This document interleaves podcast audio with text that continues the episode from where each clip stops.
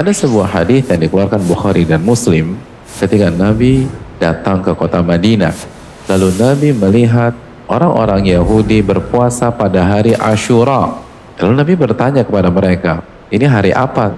Ini adalah hari yang soleh. Di hari ini Allah menyelamatkan Nabi Musa. Maka Nabi SAW bersabda, saya lebih berhak mengikuti Nabi Musa daripada kalian.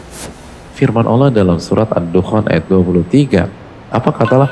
Fa'asri bi'ibadi laylan innakum muttaba'un. Keluarlah bersama dengan hamba-hambaku yang beribadah kepada diriku di malam hari. Sesungguhnya kalian akan dikejar atau diikuti. Apa kata Allah Subhanahu wa taala dalam surat Asy-Syu'ara ayat 60?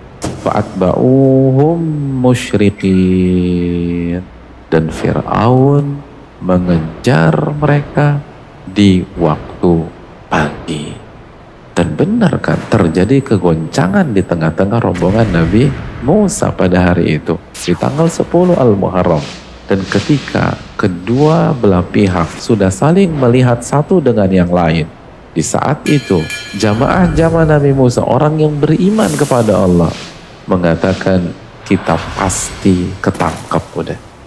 Nabi Musa menunjukkan levelnya hadirin. Beliau langsung menjawab. Sekali-sekali bukan begitu cara berpikirnya. Sesungguhnya rohku bersama denganku akan memberikan petunjuk kepadaku dan kita semua. Manusia itu lemah dengan apa yang dia dengar hadirin. Itu orang-orang terdekatnya bilang kita pasti ketangkap.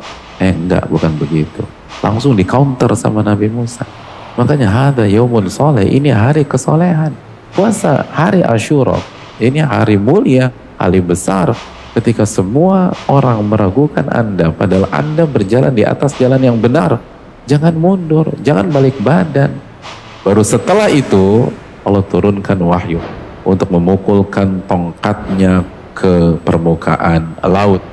Ini pelajaran besar bahwa setelah tawakal, serahkan semua sama Allah, kita harus ikhtiar dengan maksimal.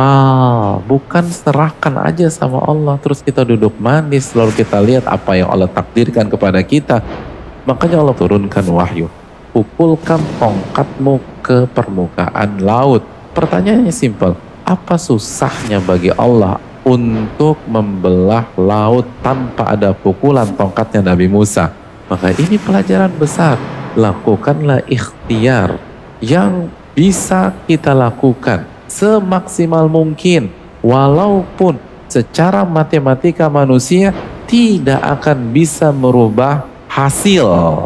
Tapi kalau itu yang bisa Anda lakukan dan hanya itu yang bisa Anda lakukan, lakukan hal tersebut dan lihat bagaimana Allah membantu Anda.